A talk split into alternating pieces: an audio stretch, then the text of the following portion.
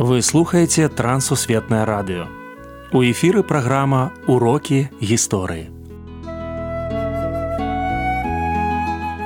Запрашаем у падарожжа падзей, асоб і фактаў. Вучыцеся разам з намі.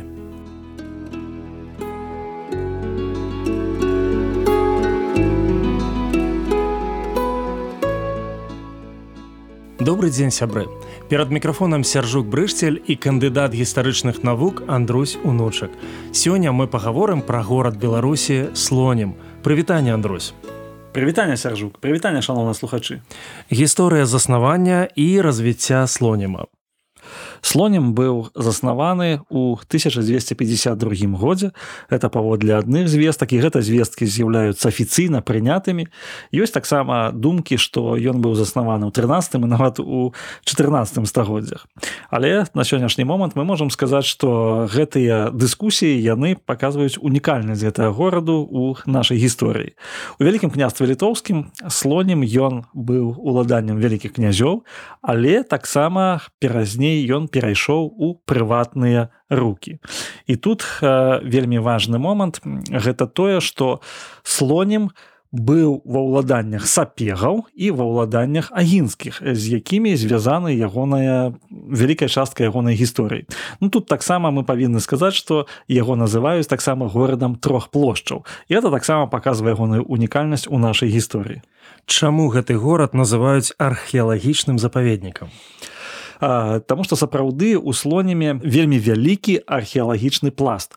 Мяркуецца, што сапраўды пад горадам ёсць некалькі ўзроўняў і некалькі метраў археалагічнага пласту, у якім знаходзяцца і пры тым, што яны знаходзяцца на такіх роўным пластом ляжаць вельмі шмат археалагічных знаходак, якія датычацца розных эпох развіцця гораду. Таму археолагі кажуць, што для іх гэта вельмі добрая мясціна прычына для даследаванняў. Што раз зрабілі Леў Сапега і Михаил Агінскі, каб ператварыць слонем у палітычны і культурны цэнтр ну з львом сапегам канцлерам вялікага княства літоўска звязана ўвогуле такая значная гісторыя як наданне слоніму поўнага магдабургска права. Дзякуючы льву сапегу слонім стаў самакіроўным горадам. І гэта канешне гараджане памятаюць. Памятаюць у тым сэнсе што льву сапегу стаіць помнік на плошчы слоніма і ён ушанаваны на такім дзяржаўным узроўні. Михал казімірагінскі ён быў славуты тым што ён заснаваў тэатр і вось гэтыя будынкі тэатру яны захаваліся да сённяшняга часу. Таксама ёсць бюст михала казіміра агінскага які вельмі шмат зрабіў для развіцця слоніма. Ну можам сказаць такі што вось вадаём слонімскі перад будынкам тэатру ён быў якраз створаны дзякуючы михалу казіміру агінскаму. І таму тэатр агінскага ён быў на ўзроўні скажем сушы і на ўзроўні вады. Раскажыце пра папяровую мануфактуру і слонімскі вадаправод слонімскі вадаправод гэта такі унікальная рэч у гісторыі беларусі таму што быў драўляны драўляны слонімскі вадаправод які быў пабудаваны у горадзе ён быў адным з такіх рэчаў то забяспечвалі гараджанаў вадой і таксама у 19 стагоддзі слоімскі вадаправод забяспечваў таксама патрэбы каналізацыі Таму у гэтым сэнсе вось яны вялікія такія мелі прэферэнцыі можна сказаць жыхары слоніма. І на сённяшні вось часткі гэтага вадаправода захаваліся аж да сённяшняга дня. Вось это да пытанняў пра археалогію.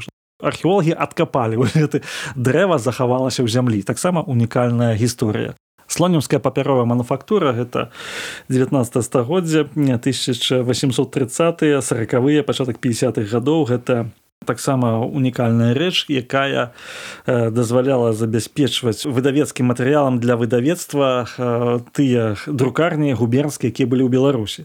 Самы цікавы момант што яна існуе да сённяшняга часу у альберціне. Гэта прыгарад слоніма і на сённяшні момант гэта з'яўляецца найбуйнейшым такім борам э, макулатуры ў беларусі. Фактычна ну з усёй вось этой гарадзенскай вобласці звозяць мануфактуру яе перапрацоўваюць і атрымліваюць новую паперу і новы кардон ёсць пэўная традыцыя па вытворчасці паперы і яна звязана са слоніму славутыя людзі якія жылі ці нарадзіліся на слонімшчыне ну адносна славутых людзей з якімі звязана гісторыя слонімшчыны мы можемм канешне сказаць пра ну то самага льва сапегу михала казіміра агінскага пра якіх мы ўжо ўзгадвалі.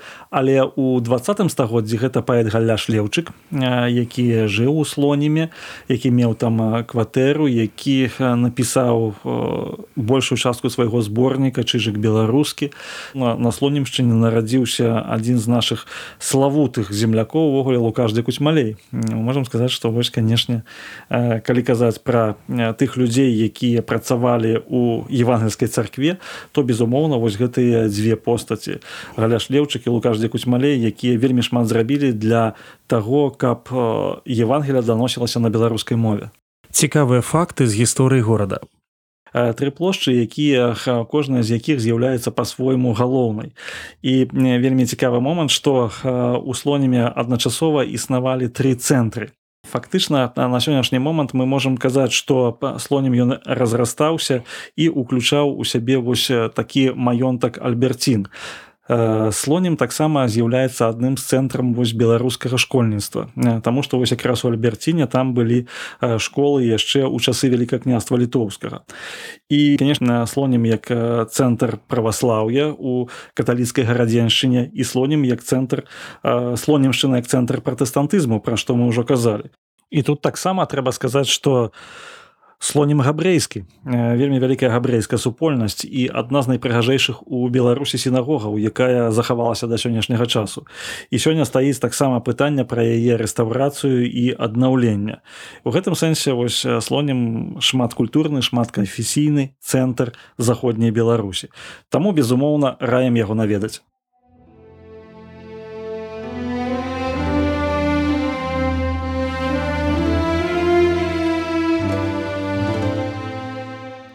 Сучаснікі Михаіла Казіміра Агінскага называлі слонем паўночныя афіны.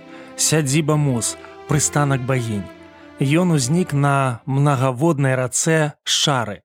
Першы прафесор геаграфіі ў Беларусі Аркадзь Смоліч лічыў гэты горад яшчэ адной швейцарыі. На плошчы помнік льву сапегу. Пры ім слонім стаў цэнтрам гандлю і рамёстваў. Былі пабудаваныя ратуша, гандлёвыя рады, цэхі рамеснікаў, развівалася ткацтва і ювелірная справа цяслярства. Склаліся гістарычны цэнтр горада з брукаванымі вуліцамі, плошчамі і мастамі. Сёння кожны беларус можа набыць бальзам бітнера, дарэчы, ад слонімскага аптэкара. Дом, дзе ён працаваў, захаваўся па сённяшні дзень у гістарычнай забудове. Наведвальнікі сучаснага слоніма адзначаюць суседства розных рэлігій і культур: праваслаўнай, каталіцкай, габрэйскай і мусульманскай. Кажуць, што гэты горад тоіць у сабе нямала адкрыццяў для кожнага, хто прыязджае сюда за гістарычнымі ўраджаннямі. Я неаднойчы быў у слонімі, чамусьці захацелася туды вярнуцца.